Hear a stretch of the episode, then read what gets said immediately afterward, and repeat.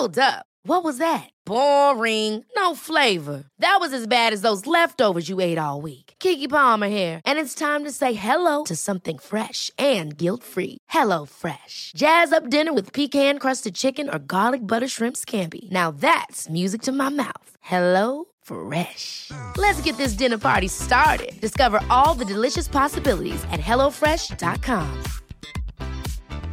Hi, I'm Daniel, founder of Pretty Litter. Did you know cats tend to hide symptoms of sickness and pain? I learned this the hard way after losing my cat, Gingy. So I created Pretty Litter, a health monitoring litter that helps detect early signs of illness by changing colors, saving you money and potentially your cat's life. Pretty Litter is veterinarian developed, and it's the easiest way to keep tabs on your fur baby's health right at home. Go to prettylitter.com and use code ACAST for 20% off your first order and a free cat toy. Terms and conditions apply. See site for details. There's never been a faster or easier way to start your weight loss journey than with PlushCare. PlushCare accepts most insurance plans and gives you online access to board-certified physicians who can prescribe FDA-approved weight loss medications like Wigovi and Zepbound for those who qualify.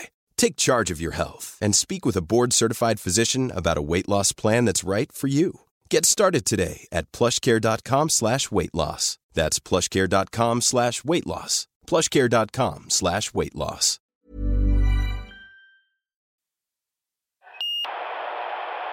Välkomna till Studio Access. Eh, Min gäst idag är författaren Torbjörn Elensky. Varmt välkommen. Tackar, tackar. Du eh, säger att religionens former nu Ja. söker sig in i politiken. Vad menar du med det? Alltså jag menar egentligen ett par olika saker. Dels menar jag att den världsbild vi har och som vi bygger våra ställningstaganden och våra rationella överväganden på i grunden vilar på någon sorts religiöst fundament.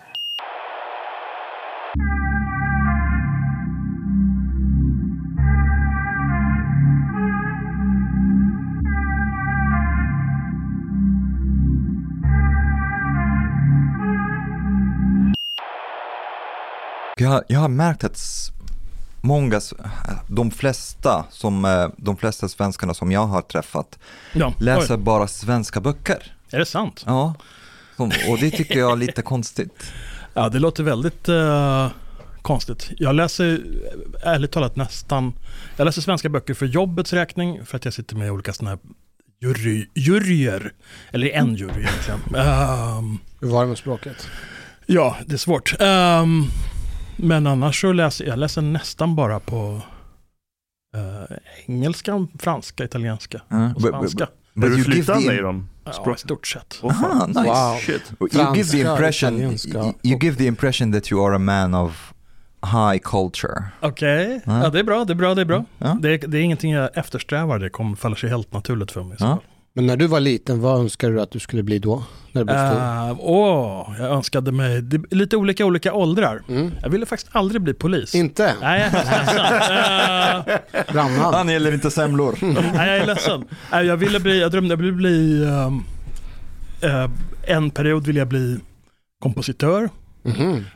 och dirigent ehm, och skriva jätte, jag skrev modernistiska superkonstiga stycken där man skulle slå med hammare på spikar och man skulle spela piano med massa skruvar och sådär i pianot. Är du musiker? Nej, nej. Hur gammal Aha. var du då? Ja, 10, 11, 12 kanske något sånt där. Jag tyckte, det var, jag tyckte det var kul. Jag gick i en musikskola så det var också lite influenser där. Sen ville jag bli filmregissör och så småningom så insåg jag då att det, det är alldeles för mycket jobb och för mycket andra människor som stör och stoppar en. Så det är, det är verkligen inget, ingenting som är värt att satsa på. Och sen tyckte jag hela tiden själv att jag var författare. Liksom. Så det var ingenting jag någonsin ville bli. Jag bara tyckte så här, ja ja men böcker, det skriver man ju vad man än jobbar med liksom. Ja. Och så vill jag bli lite sådär advokat. Hur många böcker Kortare. har du skrivit hittills? 12 tror jag. Och jäklar. Mycket Eh. skönlitteratur va? Mest skönlitteratur faktiskt. Kör du en eh, Jan Guillou där du försöker med skönlitteraturen påverka folks politiska läggning? Nej, Okej. jag, försöker, jag, försöker, jag skriver en skönlitteratur som försöker stöta bort folk och få folk att fatta att skönlitteraturen är en död konstart. Ni måste sluta med det här. Så att jag, jag är egentligen en antiförfattare. Ha. Tycker du det på riktigt? Att det är en död konstform? Nej, inte död kanske, men den, den, den rycker fortfarande. Ha. Alltså det är ju inte, det är inte, det är inte världens vitalaste konstform. Inte i Sverige just nu i alla fall. Nej. Inte i världen heller tror jag. Eller kan, möjligen, det finns väldigt mycket bra som händer. Jag vågar påstå att det händer en del intressant utanför nord och väst. Jag vet ju inte, jag kan ju inte läsa till exempel arabiska. Men de flesta... Kan du inte? Nej, det är, nej, för inte. Det finns de som kan. Men det är väldigt många, eh, jag vill inte säga alla, men väldigt många av de mer framstående arabiska författarna skriver ju på franska.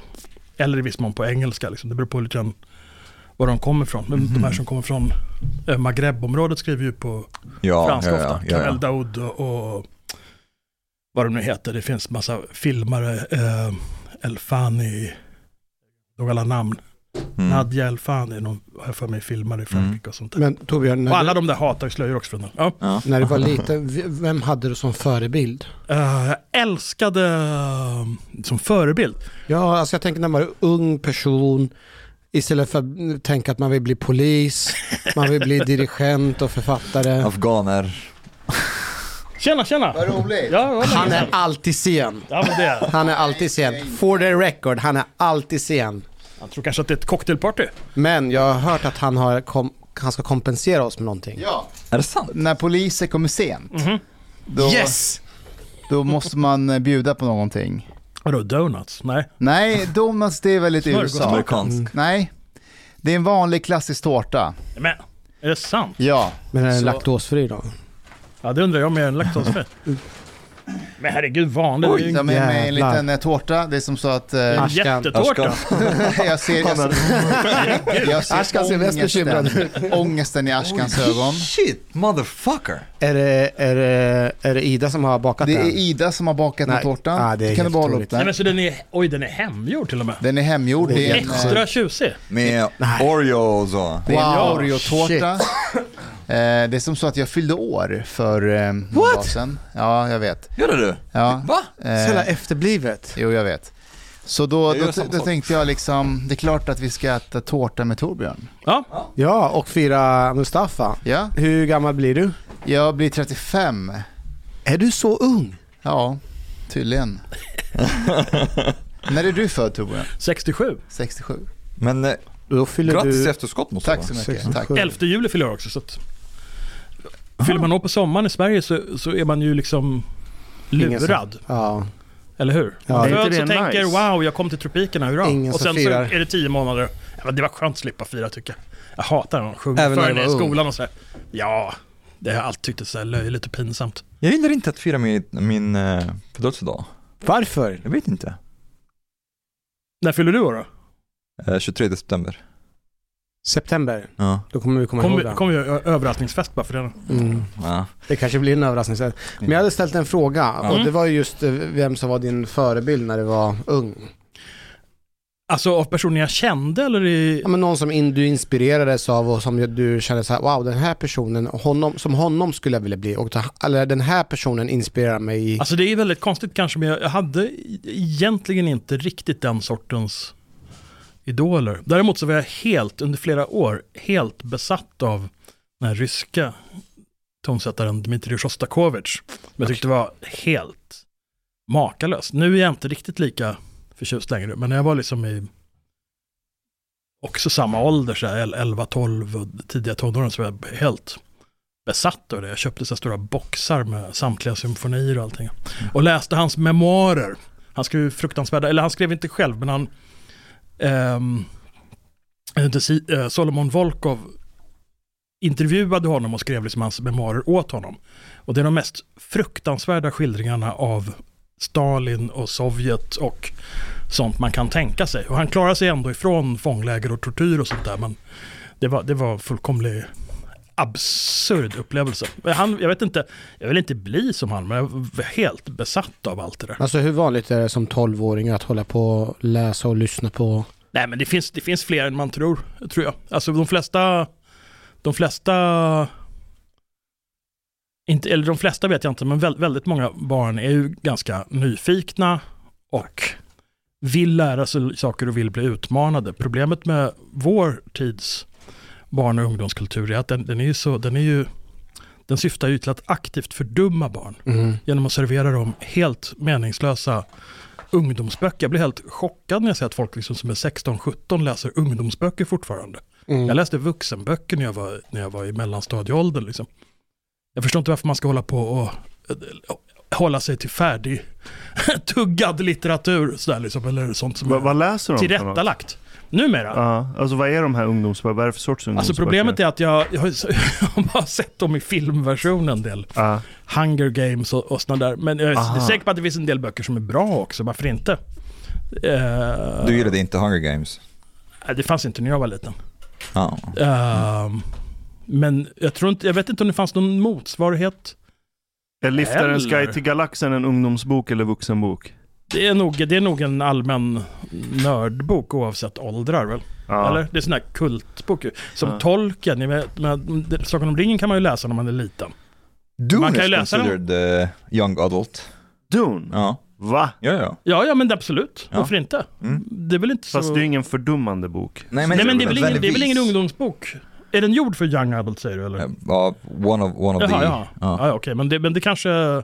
Alltså, man kan inte vara kategorisk så att alla sådana böcker är dåliga, det är inte det jag menar.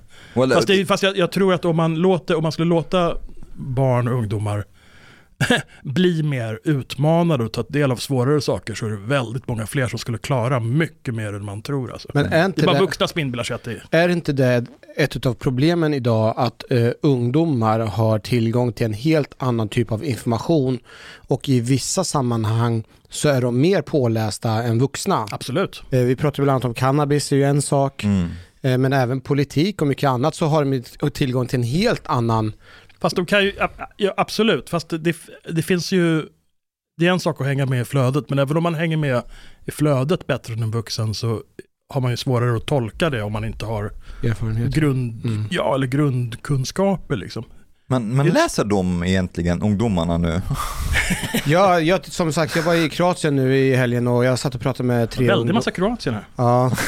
Jag tror, är de du inte från Kroatien? Ha, nej, men har, har de inte lite halvdan mat där? Jag var där och du var besviken. Det Det var bara på bosniska restauranger man fick Ja, men då, mat. det, är- I grunden så är det kast för att eh, de, deras princip är att de har bara eh, salt och peppar när de steker köttet. Och de steker det riktigt hårt. Men Jag fick en känsla av att de försökte liksom låtsas laga italiensk mat. Ja. Det blev bara... nej, det blir inte bra. Men man måste gå till eh, riktiga restauranger och så Ja, har riktiga kockar. För de försöker nog lura får- många turister. Det finns nog så här, här i Sverige också många restauranger där de inte har en riktig kock. Och då blir man bara, ah, det är bara skitmat. Jag Ja. vet att du är en Italien-fantast. Ja, ja. Jag ska till Trento Ja. imorgon. Fantastiskt. Släng det i ansiktet på oss andra. Ja, men Och, och jag till Florens. Trevligt, trevligt. Nej, ska du? Här, och hur, lä- okej, när, var, hur? Eller var vet jag nu, men vad ska ni göra där? vi, ja, vi ska vandra lite, jag och tjejen lite Mm. bara. Nu är det ju väldigt varmt där, men eh, ja, vi planerar sedan långt tillbaka. Så det ser vi mycket fram emot. Men det kommer ju bli fantastiskt. Mm. Och jag vet ju att du har en koppling till Gardasjön en del. Ja, Berätta, var, visst var det din, eh, din, din pappas eh, tjej eller något sånt där? ja, ja, alltså koppling och koppling. Vi var där på sommaren när jag var liten. Vid Gardasjön. Ehm, I Sirmione. Um, jag vet inte, lite ställe utanför där som jag inte kommer ihåg vad det hette för någonting. Så det, det är bara det, det är bara det som är Ja, okej. kopplingen. Liksom. Annars har jag varit mycket mer i, i Milano. För hon, den här tjejen, nu är 80 plus, hon, hon, hon, hon, hon hade och har fortfarande lägenhet i Milano. Är inte Italien lite överskattat? Nej, nej, nej, nej, nej. Nej. Alltså jag har åkt Nej. dit varje år sedan I love Rome. 2014. Jag, jag har varit där flera gånger, jag tycker det är jätteöverskattat. Va? Ja. Var har du varit då? Jag har varit i Parma, det är den tråkigaste staden Vad jag varit gjorde i du i Europa. Parma överhuvudtaget? Det var lite Jag var udda på- val av stad i och för sig, men okej, visst. Men jag, jag valde inte Var staden. du sugen på parmaskinka? nej, det, var, det var kemikonferens. Okej, I'm starting to get it. nej men vadå? Vad är det för fel på kemikonferens? Ja, men- well, it's not really the soul of Italy to go jag var, jag var på universitetet, på deras campus. Det var ju för sig nice. På deras universitetscampus, restaurangen, såklart de hade pizza, ugn, Ja. de hade fett mycket italiensk Men Ashkan, Nu vill jag bara säga att jag har varit många gånger i Italien och, utan att Ja. överhuvudtaget äta pizza, men okej. Uff, det är så gott Det, det är gott, det är gott, det är gott. Men Jag tycker inte pizzan var så god. Well, Men- thing, I don't, Ashkan- I don't like it Ashkan, either. om I du- don't like it in Italy either. the Ashkan, om du äter god mat på campus, vad kan man då förvänta sig i Toscana? Okej, Toscana är annorlunda. Dit vill jag Hade du åka. varit i Rom? Mm, Nej. Where have you been? Hur kan du uttala dig om Jag har varit i Italien? Varit i Parma, Parma i- på kemikonferens? Alltså, det är absurt. Mi- Milano har jag varit i. Nej. Jag har varit i Bologna. Du har, bara, du har bara varit i de mest Industri. välordnade borgerliga industristäderna i Är Norditalien. de välordnade? Ja. I, i italiensk mått. Bologna var katastrof. Well, that is because you have traveled with your left brain. Jag måste säga att av alla resemål, alltså Grekland, Kroatien, eh, Spanien, Portugal. Efter, efter, efter ett tag så tröttnar du på maten och sådär. Det gör jag inte med Italien. Nej. Jag tröttnar inte på maten, glassen, vädret, människorna, det är ett vackert språk. Det är där jag vill bo egentligen. Du vill egentligen like an konvertera open folk, folk är trevliga. Sen är det ju det som är så fantastiskt där om man åker lite grann, det är att maten förändras från region till region. Ja, Det är därför jag har inget emot pizza heller, men det är inte liksom... Nej. But, but it's Det är, det, är inte, det, är, det är inte det viktiga liksom, om du inte möjligen åker till Neapel och äter på någon sån här gatuservering. Men annars ska man kolla vad, vad har, har den regionen, den här staden, den här byn för specialiteter för den här årstiden. Det är så fantastiskt, du kan åka olika tider och få olika mat. Och de har ofta på olika ställen, till exempel i Florens då, eh, så har de mat som är deras specialmat som turister inte så ofta äter. När ska du till Florens? Om några dagar? eller? 30 juli. Fantastiskt, men då det kommer ju vara fasansfullt varmt. Men Jag- okej, okej. kommer du, från du, Egypten. Ja, du kommer från Egypten, du klarar det. Eh, Men du, ska du äta lampredotto när du är där? Vad är det för något? Lampor. Det är komage. Det är jättegott. Är det? Ja, Är det deras haggis? Ja, det är lite finare än det. Och sen är det en speciell mage. Jag- Jag kommer aldrig ihåg vilken det är. Men kon har fyra magar. kon har fyra magar, precis. Och det här, den här magen, den är liksom... Det är inte den här som är vit och sladdrig så här som de kokar soppa på i Istanbul och sådana saker. Utan den, den här tunn... Ändtarmen. eh, ja, varför inte? Det stoppar man ju korv i. Eh, men vad heter det? Den, den, den, tu- tunn och lite, lite brun. Lampredotto, det är jättegott. That, that's interesting. In Egypt, like uh, it's considered the opposite. Like when you when you slaughter, for example, a, a cow, you give away the stomach to the poor people because it's considered like not not good thing to eat. finns det någon vegetarisk version på det? På komage? Ingen, ingen aning. Är du vegetarian eller? What's inside the stomach? Ja. But it's it's Eller funny. hur? It's funny you bring up uh, Italy. Så I, I du, du okej. när jag kollade på på Messenger, Ja. um, du har skickat ett uh, ett meddelande till mig för fem år sedan Har jag? när jag fick uh, uppehållstillstånd. Jaha, herregud, vilket... Det kommer inte jag Ja. ihåg. And, and this is like the first time we meet, but det, det var fint egentligen. Jag hoppas vi ses i Stockholm framöver någon gång. Glad midsommar från Rom. Jaha, ja. Ja. Now is the first time we meet. Är du medborgare nu? Nej. Nej, du har PUT. Ja. Okej. När blir du medborgare? That's the thing. Like I have applied for citizenship for uh, like a, a year ago now. Uh, but do you know how long it takes on average? Ingen aning. 30, 33 månader. Oj. Ja. Från ansökan till... Från ansökan. Okej. Inte konstigt. Det är tre år. Tre år. Ja. Från ansökan. Mm. So like before you have to like be here for a few years, Just then det. to apply, and then it takes three years from application. Huh. Mm. Och det är ännu längre nu med, efter eh, corona och sånt kanske, eller? Eller är det den här normala tider? Jag har ingen aning om. Eh, vet inte faktiskt.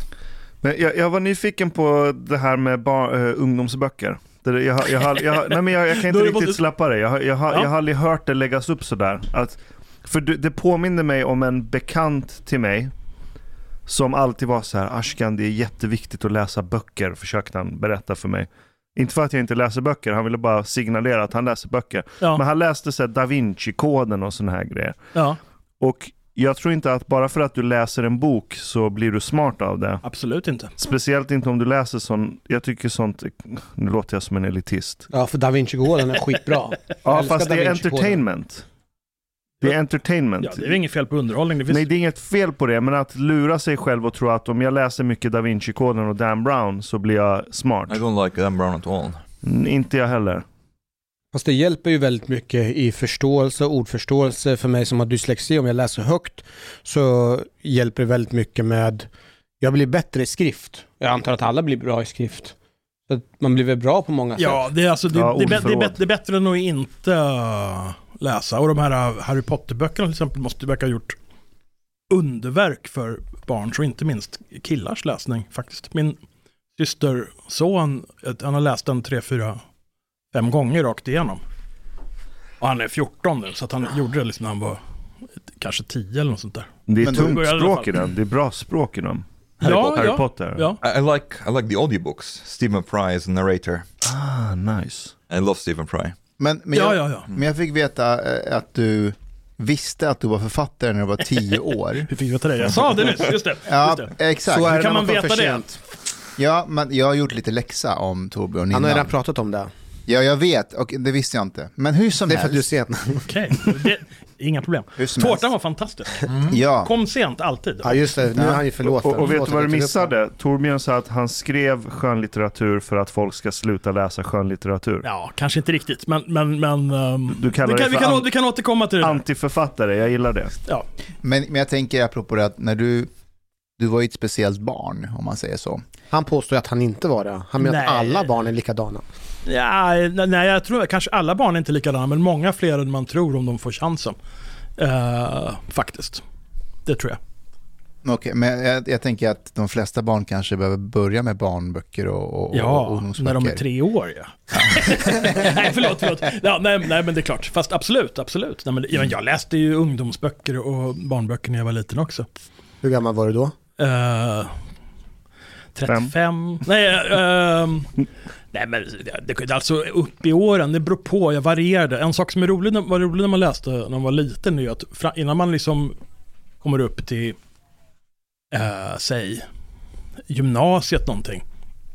Då vet man ju inte riktigt skillnaden på vad som är bra och dåligt för vuxna och barn och så vidare. Så jag, liksom, jag kunde läsa tvillingdeckare ena dagen och Dostojevskij andra och någon konstig, jag vet inte, Agatha Christie ena sekunden och liksom Balzac. Det bara hoppar jag hade ingen känsla av att det ena skulle vara svårt. Det var ingen som sa till mig att åh men det här är svårt, ta den här istället. Utan liksom, jag hade väl turen också då att vi hade mycket böcker hemma så jag kunde liksom plocka ur hyllan liksom. Sådär. Det var aldrig någon som sa till mig att läsa och det var aldrig någon som sa till mig att ta något annat. Det enda gången jag någonsin något sådant något blev tillsagd, det var när jag gick med farmor. Och så skulle jag få gå in i en bokhandel och då valde jag Tintin-album. Och hon var så här missnöjd att ja, nej, man skulle ta riktiga böcker. Så jag, gillar, jag gillar Tintin och serier och allt möjligt också.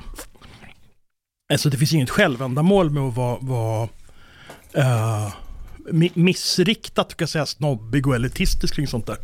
Det tycker jag inte är någon poäng, det är absolut inte. Däremot så tycker jag att det finns det synd om man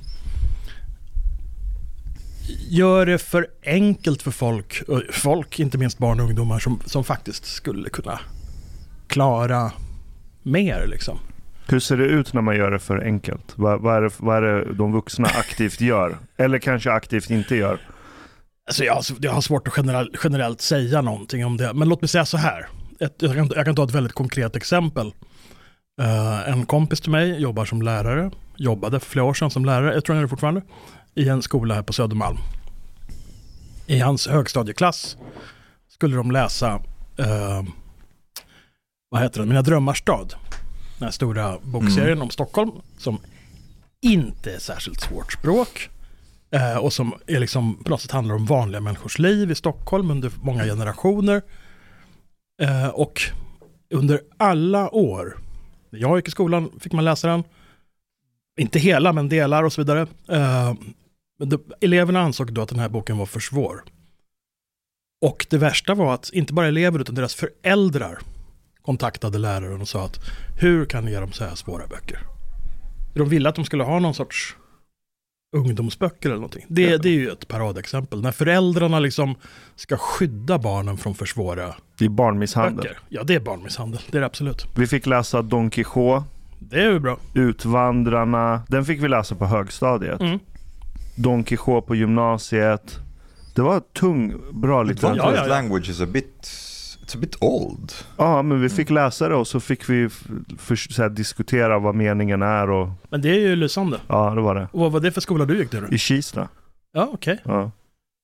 Men det här du säger nu, kan man inte applicera det här på, Det beror ju på vilken lärare man råkar ha. Ja. Också, förlåt, ja. på dagens alltså, svenska skola? Att om, om, om- om du säger att de här böckerna inte, inte är för svåra och föräldrarna har fel, då kan man ju dra det till, till sin spets och säga också att ja, men det här med att barnen ska söka sin egen kunskap och de här uppgifterna de får hemma där de ska dra paralleller, eh, vad som hände i romartiden till dagens eh, samhälle och, och jämföra det med svensk politik. Ja, men det är inte så svårt, det är bara att tänka till. Liksom. Men de har ju stora problem med det. Skulle jag tycka det menar Nej, nej, jag menar, kan man inte säga så ja, men, Alltså jag tror ju att det är ganska bra om man till exempel den typen av historiska jämförelser, de är fullkomligt otroligt svåra och nästan alltid blir det helt eh, missvisande. Även om, man är, och, även om man är väldigt, väldigt kunnig om en epok så inser man att det finns så otroligt mycket som skiljer. Du kan inte bara ta någon romersk händelse och säga att det är som nu. Det var ju populärt kring Trump. Var Trump ner? Just eller det. vad. Det är full, Jag blir skitlack när jag ser sådana Visst är, det, jämförelser. visst är det dumt? Ja. Det är så himla, himla feltänkt. Alltså jag tror att det är väldigt, väldigt viktigt att, att kunna historia i den mån man kan kunna något sånt. Men känna till så mycket som går om historien och hur man liksom tolkar historien, hur historien används, vad den betyder, vad som faktiskt har hänt och vad de här olika händelserna har inneburit. Ju mer av det man förstår, desto bättre kan man ju uppfatta vissa saker i samtiden. Men jag tror att man då också, inte minst faktiskt inser att det är verkligen, verkligen, verkligen oftast helt omöjligt och i alla fall alltid väldigt, väldigt svårt att föra över liksom paralleller från historien till vår tid säga, ja nu är det som 30-talet, eller nu är det som under Neros tid, eller nu är det, si-" alltså det blir så himla, men när kan man säga det då? nästan aldrig. reactionary movements in general they want to go to towards like a time in the past Vilka då till exempel? look gen- we, we talked about for example uh, have you heard about dark enlightenment Ja, ja. yeah so they, they are very they are very Nice. fascinated they're very fascinated like with the bronze age bronze age values ancient greece and, and so Men- on Det här är intressant. Mm. Vi har ju pratat om, men kan inte vi höra Torbjörn, vad är Dark Enlightenment, enlightenment som du vet och känner till? Åh, Jag, jag känner Alltså nu, var- nu var det, det, det är ju den här Nick Land, eller hur? Exakt. Ja. Som har skrivit om det. Och jag vet att jag har läst den där boken eller en artikelserie eller vad det är, men det var flera år sedan. Eh, det jag minns mest från det där och allt det jag läste runt om det, det var att han var lärare först i England på universitet. Yes. Och sen tog han väldigt mycket knark och spårade ur och så blev han väl, om han avgick eller blev sparkad. Och nu bor han i Singapore jag för mig eller något sånt där. Kina, ja eller Singapore någonstans där. Och ehm, jag- skulle behövt läst det, det nyligen för att kunna säga något mer vettigt om det. Men jag uppfattar det nog inte så mycket som att han är en sån som drömmer om bronsåldern. Är inte No. han accelerationist snarare? Ja det är han. Yeah, but but that's actually the interesting part. There seems to be like all mm, movement that are not really organized or centralized. There is a theoretical aspect. Nick Land and what's wha- what's the other guy? Curtis Yarvin. Uh, uh, Curtis Yarvin. Um, and then there is some kind of movement that is developing online with mostly like young men uh, who are starting to idealize more and more these like they, they are like a bit neo-fascist one can say. They call themselves radical traditionalists. And they are against democracy. They are a bit uh, i don't know if, if you can call them somewhat nietzschean as well uh, and and so on Nej, inte Nietzscheaner. Det är de inte. like De the- tror att de är det. Fast jag undrar om de inte tror att de är väldigt mycket av allt det där. För att det Ja. är ju liksom i själva verket, alltså traditionalism mm, är ju en sak mm, som är intressant i sig och som finns både i mera oskyldiga, svärmiska, religiösa varianter och i mera fascistoida varianter i alla fall, Mm. får man säga. Ehm, och det är ju jätte intressant för att det är en, det är en av de där äh, märkliga underliggande ideologiska strömningarna som har funnits egentligen i, i bra mycket mer än hundra år. Men, som, men som jag misstänker kan ha större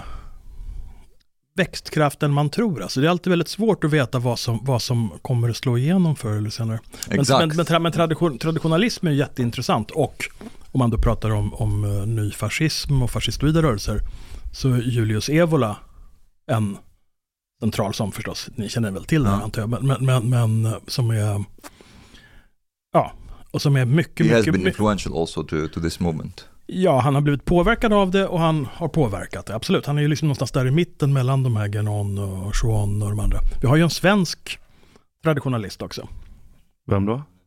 Tage Lindbom. Mhm.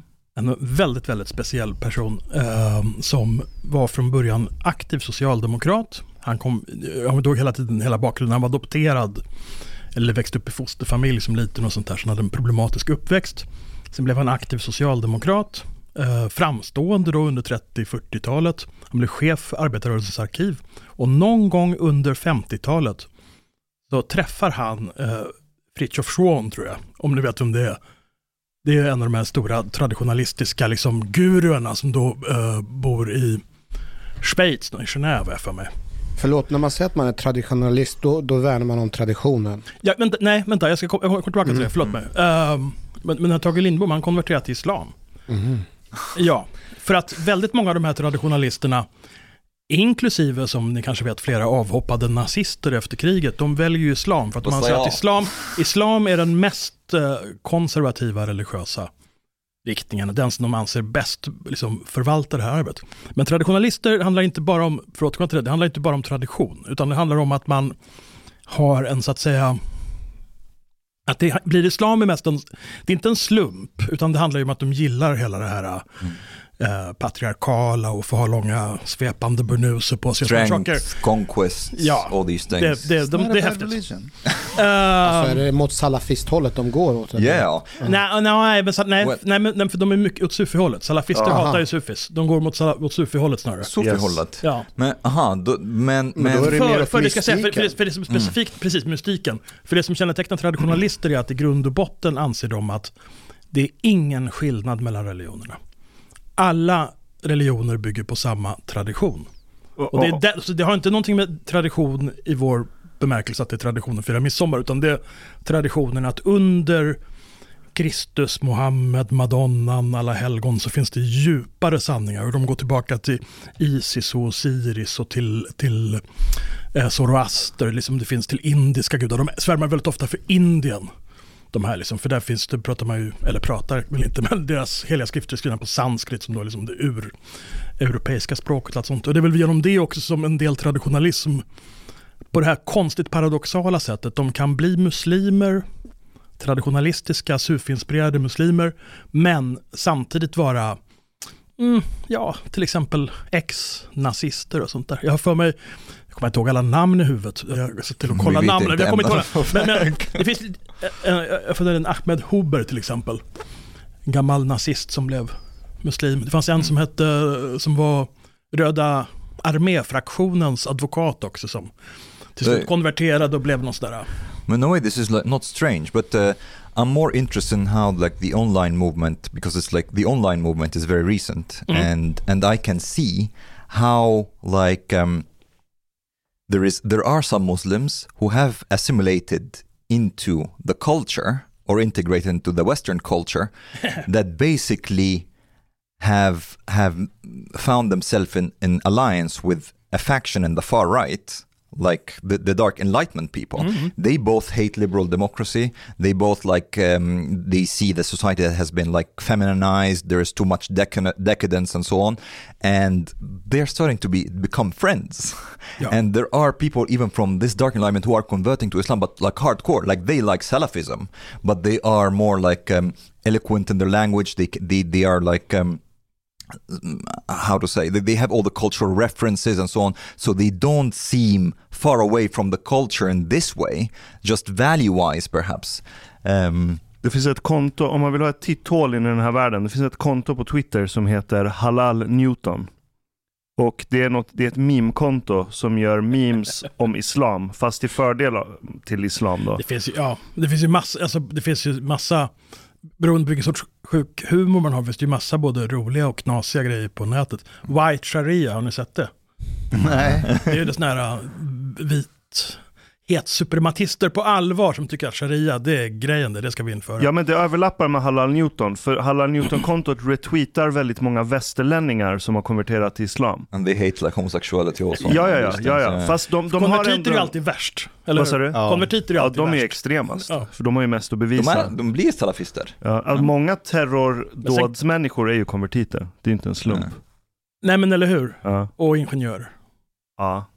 Varför ingenjör? Det har jag inte fattat. De killar att bygga bomber. Ja, ja. De Fast gillar måste- att lösa problem. Eh, Fast, fast det, måste, det, måste, det måste vara, det är spännande, för det, det måste vara något mer bakom det där också. Alltså den här, efter, redan 9-11 så var det ju slående att de som låg bakom det var högutbildade och från bra familjer liksom.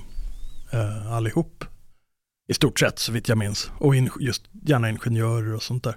Är det inte att vi bara saknar riktning? Och när man saknar riktning så finns det stor risk att du blir nostalgisk.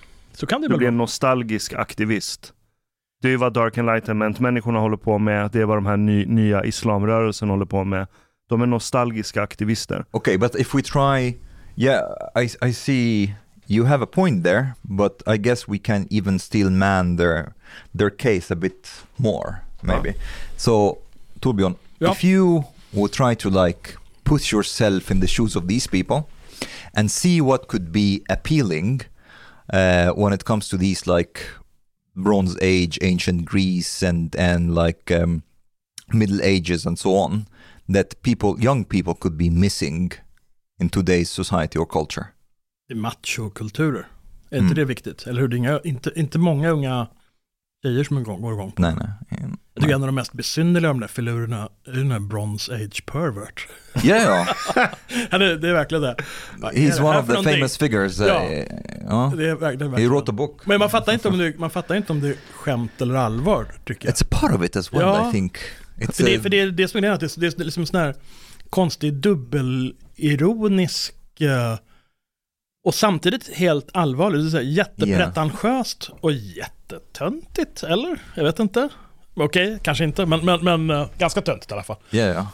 Ja. Men, men Man får, man får ju vision. Vad sa du? online-kulturen gör att det blir sådär att det finns olika lager på hela tiden. Mm. Så dubbelironi och, och så ibland allvar och ibland... But, but yeah, it has an aspect of tro- troll culture in a way that you are not able really because here you can say if you are trolling often, you can say the sickest stuff, you know, and then if somebody really pushes you on it, I'm like, ah, this idiot, he thinks that I'm like serious, you know what I mean? And then sometimes you throw in a bit of trolling, but also a bit of like ideological Fast man, man, radicalism. fast man, man, man, fa- man fattar ju också att det är kul, för det, det finns ju så fruktansvärt, alltså en så stor del av vår officiella offentlighet är så otroligt tillrättalagd och tråkig och ointressant på alla sätt man kan tänka sig. Så jag kan ju verkligen förstå att inte minst då yngre personer som har lite mer, lite mer testosteron eller vad det är de har för någonting och så vidare, att man, liksom, man blir frustrerad och man liksom går igång. Samtidigt, det, det är ju någonting som är, det är någonting som är patetiskt med det där är att det är liksom,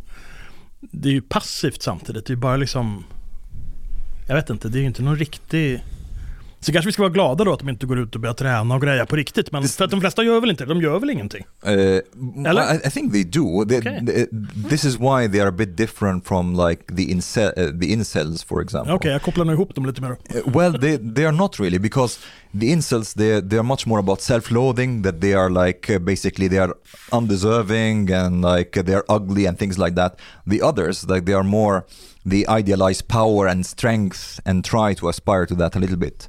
Um, but uh, Omar, vad är det som gör att inte du dras till, till den rörelsen? uh, det good- känns som om du är ju ändå tycker att det finns någonting som är smickrande. well. Alltså, man, kan ju vara Ja. fasc- man kan ju vara fascinerad av någonting. Jag, jag, har alltså, jag eh, tycker att man kan bli intresserad och fascinerad av alla möjliga saker utan att själv vilja Mm, ansluta sig till dem. Alltså, jag har läst under alla år och även skrivit en del massor om både traditionalister och islamister och Mm. så vidare och allting. Eh, But I can see the appeal though. Tänker- ja, ja, men det är ju bra. Det Ja. måste man ju fatta. Men man behöver, Ja. inte, man behöver inte dras med själv bara Ja, det. Men skulle Like det kunna example- varit den, den unga Omar, den unga Omar som är 17-18 år, som är väldigt visionär och så, som är väldigt bokstavstrogen, trogen, I, I would den... have, I, I could have draw, been drawn into that. Yes, I Ja. think. Uh, but I think it can be fascinating in the same way that we watch I don't know violent movies and so on, or like read like um, uh, you know Homer. Ja. Uh, for example, it's like super violent but also super exciting at the same time. Jag, tyck, jag tyckte ju när jag var i tonåren då, om man börjar läsa tidigt så tröttnar man ju också snabbt på vanliga böcker. Jag läste jättemycket sådana här, allt, allt sånt där som man då tyckte var farlig och spännande och förbjuden litteratur, Marquis de Sade och så vidare. Och, uh, jag tyckte det var jätteintressant att läsa alla möjliga typer av um, ja, alltså ud, udda saker och konstiga saker och utmanande saker. Precis som med musik, att jag gillade mer och mer sånt där som andra inte gillar. Liksom. Är det inte lite så med en del av de här rörelserna också? att vad, vad, var du religiös när du var ung? Jag kommer inte ihåg. Yeah, jag var superreligiös. Ja, Okej. Eh, men salafist eller något sånt där? Eller var du med i någon rörelse? eller? Nej, inte, inte nödvändigtvis salafist men eh, Konservativ. konservativ, väldigt konservativ. Ja, ja. Ja. Mm. Det är jätteintressant att ha sån erfarenhet. Jag har, jag har aldrig haft någon sån. Jag har aldrig varit politiskt engagerad eller religiös eller någonting. Däremot har jag alltid varit jätteintresserad av alla de här olika Varför? Det är, nej, men det är fascinerande för att ehm, saker ställs liksom på sin spets på olika sätt. Det är intressant eh, att, alltså det är intressant att bekanta sig med de här extrema sakerna. För man kan liksom via dem också, man kan även få eh, på något sätt bra infallsvinklar på saker och ting och för liksom förstå saker. Yeah. Om man bara hela tiden befinner sig i mainstream så tror jag man tappar liksom orienteringen. Det är som att bara köra i mitten på motorvägen hela tiden. Man, man lot of ser ingenting, man fattar ingenting av landskapet eller någonting.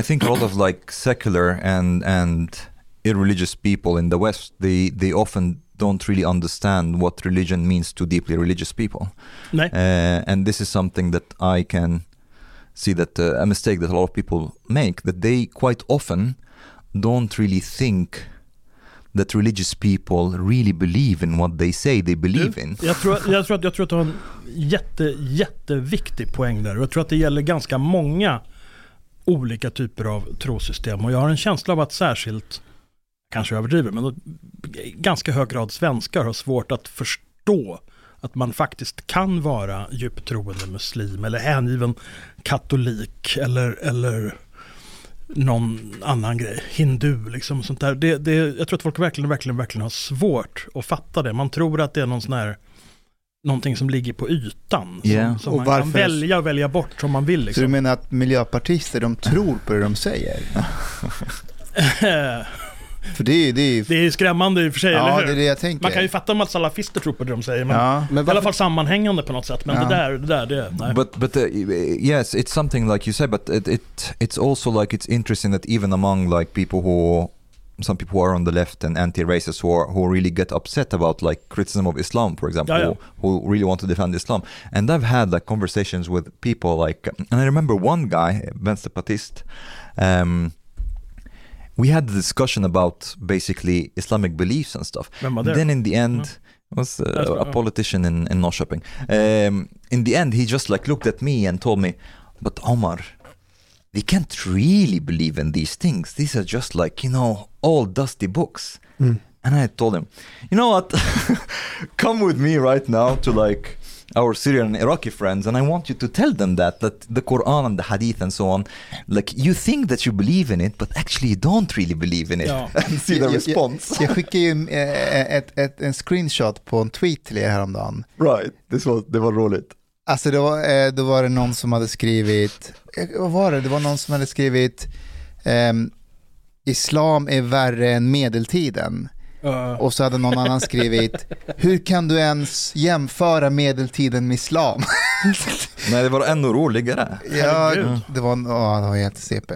men jag är lite nyfiken på en sak. Och det, Ja. va, är det just någonting med oss svenskar som gör att vi är Alltså på något sätt att vi är resistenta mot att verkligen tro på att andra människor kan vara djupt religiösa. Eller vad är det som gör med oss att vi har svårt att kunna föreställa oss att, precis som du säger Omar, att man inte tror, alltså att man är så pass religiös. Det är nog inte bara svenskar, det är nog väst Yeah, överlag. It's too far away from from from because in a way actually it is it is pretty interesting I remember when I was like really super religious, it almost feels like I was living in a different simulation. You know, I had a totally different worldview. I really believed that there's Allah and there's like this purpose with this life. It's a test, and I'm, I'm either going to hell or heaven. And when I talk to Him, He listens to me and answers my prayers and Men- so on. men- men- then det- I lost that, and then I'm, living Ja. in another simulation now. I, I den här musikskolan där jag gick så var det väldigt många eh, frireligiösa elever.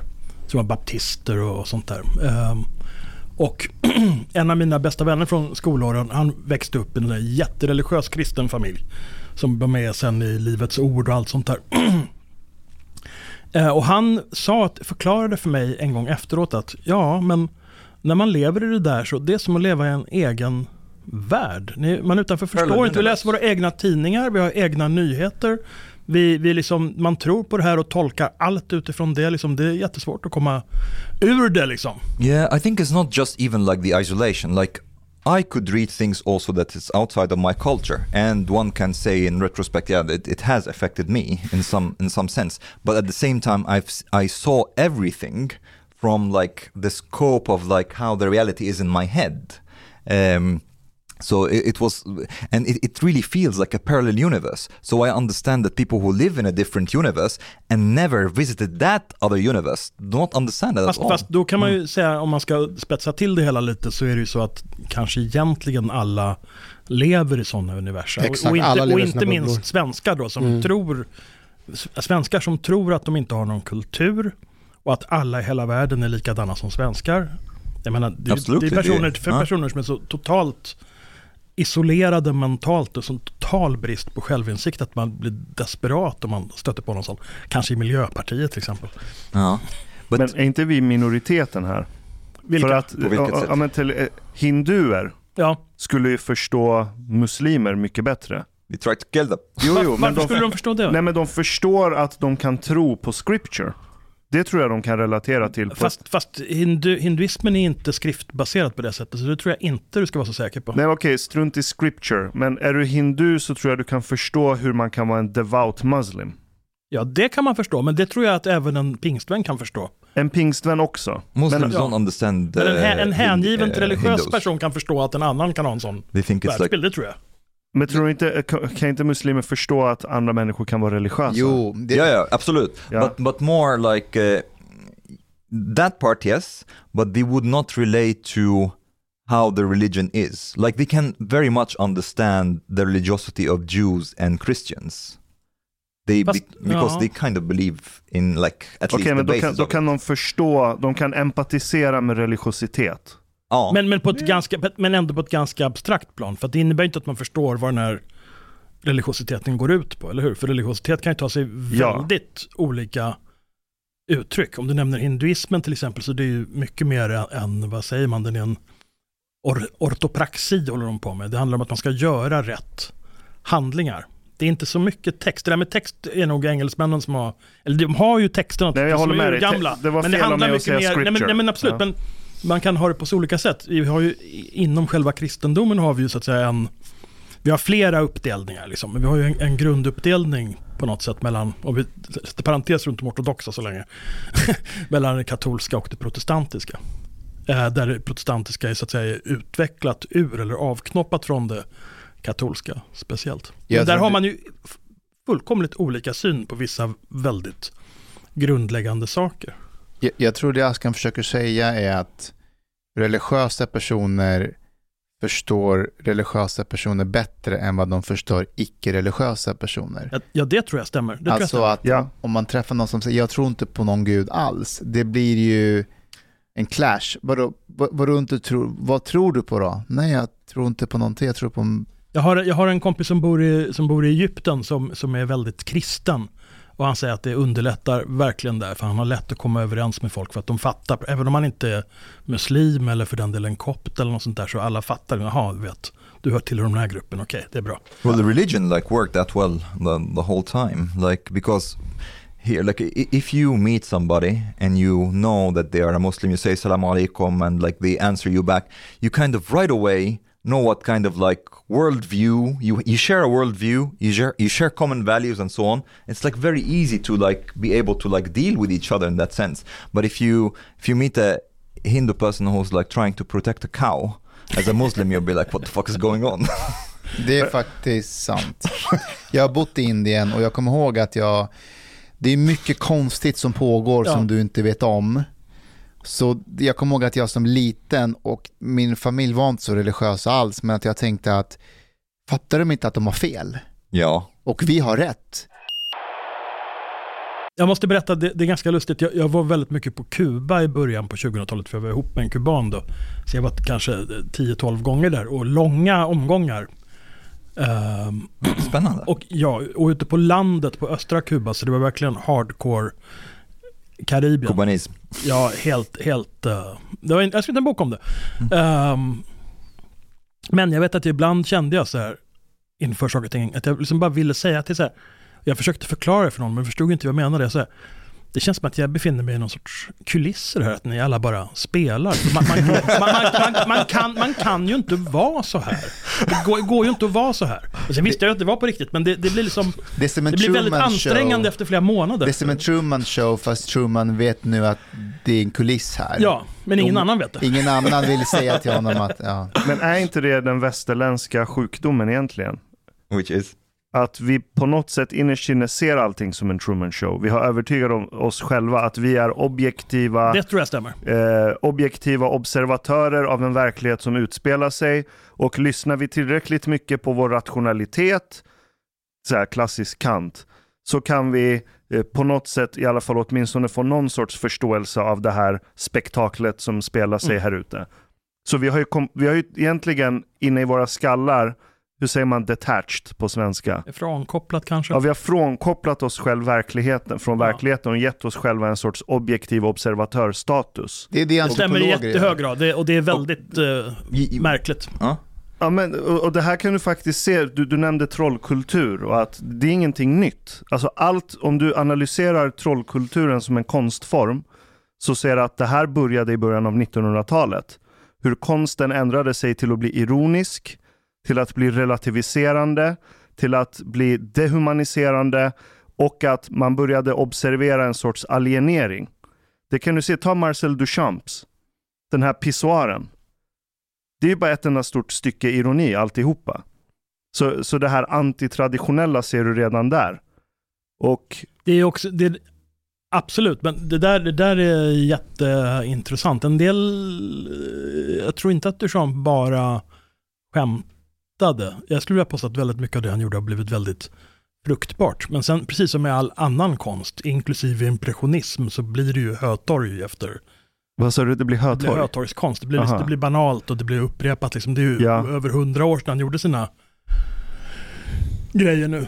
Ja, men det är ingen slump att kubismen kommer i modern... I mean, uh, Ashkan, before before just we we move on from this part, I have to like go like Alltså, vi måste gå tillbaka till konsten sen för det är spännande. Ja, det, det kan vi gå tillbaka till. Men in defense of, of western culture though, I think even if like we like western culture has the idea that they are objective and just observing reality and so on, but at the same time culture is like here is way less dogmatic. Because at least you have a discussion about like you know there is a discussion people disagree some people disagree uh, and and like there is a debate about and so on but if you if you go for example to like Muslim countries to Egypt it's like super dogma and they are all convinced that we are wrong here you know that they are right and we are wrong uh, and that's it Men säger inte vi samma sak om religion här i väst? Jo. Vi är väldigt dogmatiska kring religion. Not not in the same degree at Jo all för, att- jo, för att vi har gett vår vänstra hjärnhalvas fakultet, rationaliteten, vi har gett den en gudastatus. Och så ser vi att allt som inte går att köra igenom den här fakulteten är irrationellt, därför alltså dumt och korkat. Fast, sen- fa- ja, absolut, fast sen vill jag nog påstå att när du pratar om väst så pratar du också om nordväst egentligen, eller hur? Nej, jag pratar egentligen om alla länder som har anammat hellenistiska institutioner. Så det är från... eh, Ryssland. Ja, men de har väl gått sin egen väg. Det är ju inte en direkt utväxt ur det grekiska arvet, man- romerska arvet. Okej, men det här, det, här, det, här, är- det här är verkligen eh, ett sidospår. Men om man ska vara riktigt sträng så är ju hellenistiska arvet är ju jättestarkt inom islam och inom den delen av världen.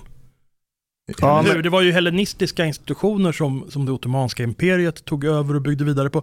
Hellenistiska via romarriket och så vidare Mm. och via Bysans naturligtvis. Men ändå, det är ju där på något sätt kontinuiteten finns. I, Korrekt, I men de- de var hellenistiskt, Syrien ja, men de man använde aldrig tryckpressen, så de kunde inte Fast gå... det är ju mycket senare. Det är mycket senare, men det, det är en lång tidslinje. Men de, de gick aldrig full hellenistic retard. Vi- Vilket vi, vi okej, nordväst då, har gjort.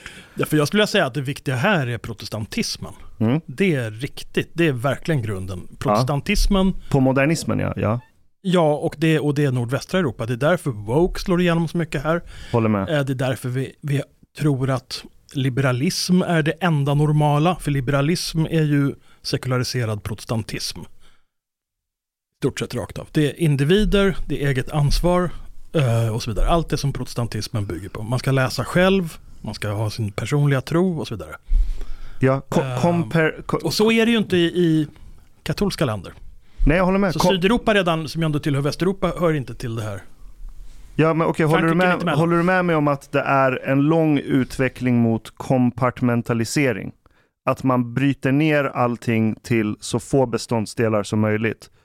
Och så försöker man bygga upp en helhet utifrån det. Det är ju vad byråkrati går ut på egentligen.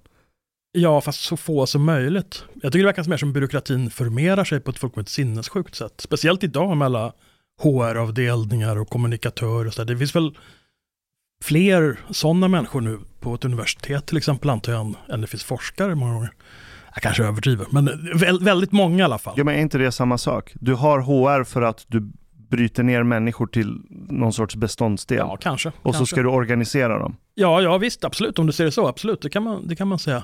Eh, Ja, men min poäng är i alla fall att den här rationella observatörstatusen, där allt annat är bara ett spektakel här Absolut. utanför. Det kan du ju koppla an till protestantismen också. ja, protestantism, upplysning, Nietzsche, Freud. Exakt. Och så liberalism som en sorts liksom Oreosås på allting. but Torben, this is something that you talk slash wrote about. That basically, it's naive to think that our politics today uh, is not affected by religion. Ja, ja. Uh, can you can you talk about a, a, lot, a bit more about that, especially when it comes to politics? How is our politics religious in Sweden, for example? Alltså själv, själva, själva, alltså på väldigt grundläggande plan, själv, själva människosynen, synen på personer som tro, tron att alla är individer med eget ansvar, eh, med förmågan att själva liksom träffa rationella beslut, som är liberala synen på människan, kommer ifrån, från protestantismen. Det är en fortsättning på det liksom. Protestantismen är det genom tron alena, du ska själv läsa bibeln, du ska själv liksom ta ansvar för din tro, för dina handlingar och allting. Det handlar jättemycket om samvete och skuldkänslor och sånt där. Som Ingmar Bergman-filmer, det är väl liksom den sista stora konstnärliga utgjutelsen av det där arvet i Sverige. Liksom. Så- det är helt enkelt på det enkla planet. Ganska mycket av det här hur man hanterar eh, miljöfrågan till exempel här på, på ett sorts symboliskt sätt tycker jag verkligen är uppenbart religiöst. Den här eh, extremt fascinerande och intressanta Greta Greta-fenomenet till exempel, som man knappt vågar prata om, för folk blir ju verkligen, verkligen arga om man inte, om man inte ehm, eh, Är du, är du emot Greta? Eller vad menar du?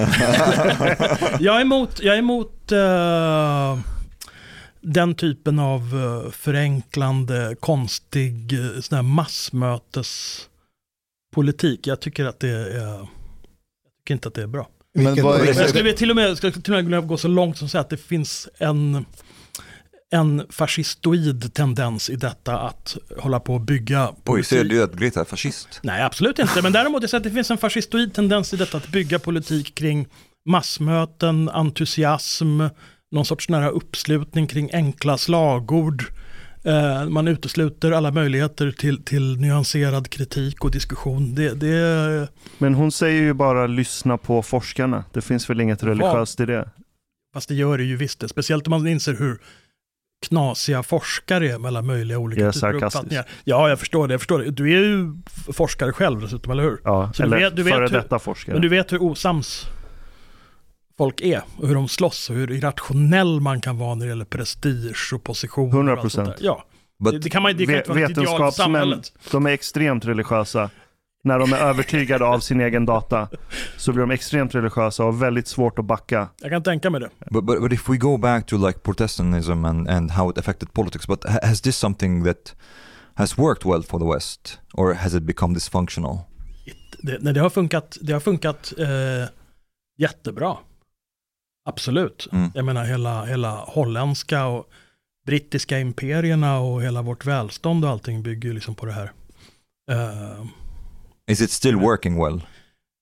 Eh, nej, inte riktigt. Sätt? jag vet inte. Alltså det, det är svårt att veta just nu. För att jag tror att man ska vara, man ska, man ska inte låta sig luras av de här eh, kortsiktiga strongmen i Ryssland och Kina och sånt där. Det är inte säkert att deras grejer håller. Det som är fördelen med vårt system, eller våra system då i Nordeuropa och Västeuropa och Nordamerika, det är ju att de är ändå ganska tåliga för Eh, uh, de klarar att hantera ganska stora konflikter och så vidare. Det ser vi ju nu, liksom, det har varit fruktansvärt, eller är fruktansvärt stora motsättningar och konflikter i USA, i England, uh, i Holland nu också för övrigt. Ehm, Tyskland får vi väl se hur de kommer att hantera det här nu.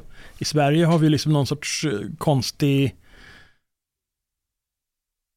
pågående hem, så här, konstigt känslomässigt hämmad samtidigt som den är lite småhysterisk konflikt hela tiden där det är väldigt, väldigt svårt att prata sansat om komplicerade frågor som kanske inte nödvändigtvis har enkla svar. Det är väldigt svårt att hantera dem i Sverige. Um, kring till exempel religion och sånt där, det här med islam, det är ju slående hur, hur otroligt svårt det är att få till något vettigt i mina ögon i alla fall, vettigt samtal varenda gång det har varit när det var Charlie Hebdo. Jag såg att det var en intervju i Expressen igår med redaktören för den, eh, olika terrordåd, olika, ja eller den här jäkla Paludan med sin koranbränning och såna här saker liksom. Det, det är väldigt, väldigt, väldigt, eh, det har blivit bättre och bättre, men det är inte riktigt, det funkar ändå inte riktigt tycker jag. Och jag vill tillägga då att den här, en stor anledning till att det har blivit bättre, det är ju att det finns en del vettiga, eh, inte minst, eh, jag tror egentligen generationen före er, de här kurdiska tjejerna, de var tuffa och bra. Sakine Madon och Dilshad Emirbagsten på den tiden hon höll på. Eh, Gulan Avci Mm. och sådär. Inte kanske så mycket debatten, men de har varit väldigt, ja, Amineh Kakabaveh. Martin Ådahl. Ja, eller hur? Den kurdiska tjejen. Eh. Nej, men, men, men, men, men det, det är liksom, det, för det, för det, det, det är väldigt få här som har klarat att och, Okej. Du har lyssnat så här långt. På sista måltid. En mycket fin radioprogram i Sverige. Du tycker det är mycket trevligt. Men, min vän, lyssna på mig nu. Du har inte betalat biljett på klubb sista måltid. De har blate grabbarna de behöver pengar. Flis. Lax. Stolar. Dirabilar. Lyxhotel. Du vet. Då måste du betala om du ska lyssna mer. Du får gaflera gafleravsnitt också. Pakieter biudande, helt enkelt. Läs i beskrivning för avsnitt, där det finns information för att bli medlem på klubzista måltid. Det kostar som en mycket liten kaffe latte ute på torget. Per månad. Lätt som en plätt. Tack, min vän.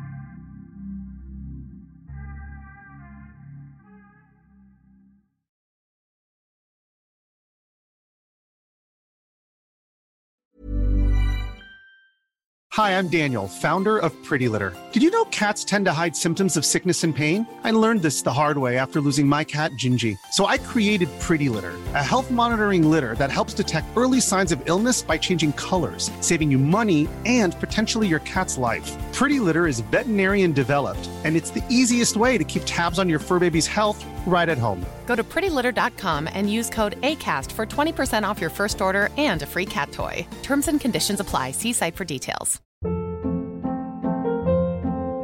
Hold up. What was that? Boring. No flavor. That was as bad as those leftovers you ate all week. Kiki Palmer here, and it's time to say hello to something fresh and guilt-free. Hello Fresh. Jazz up dinner with pecan-crusted chicken or garlic butter shrimp scampi. Now that's music to my mouth. Hello Fresh. Let's get this dinner party started. Discover all the delicious possibilities at hellofresh.com. Imagine the softest sheets you've ever felt. Now imagine them getting even softer over time. That's what you'll feel with Bowl and Branch's organic cotton sheets. In a recent customer survey, 96% replied that Bowl and Branch sheets get softer with every wash. Start getting your best night's sleep in these sheets that get softer and softer for years to come. Try their sheets with a 30-night guarantee. Plus, get 15% off your first order at bowlandbranch.com. Code BUTTERY. Exclusions apply. See site for details.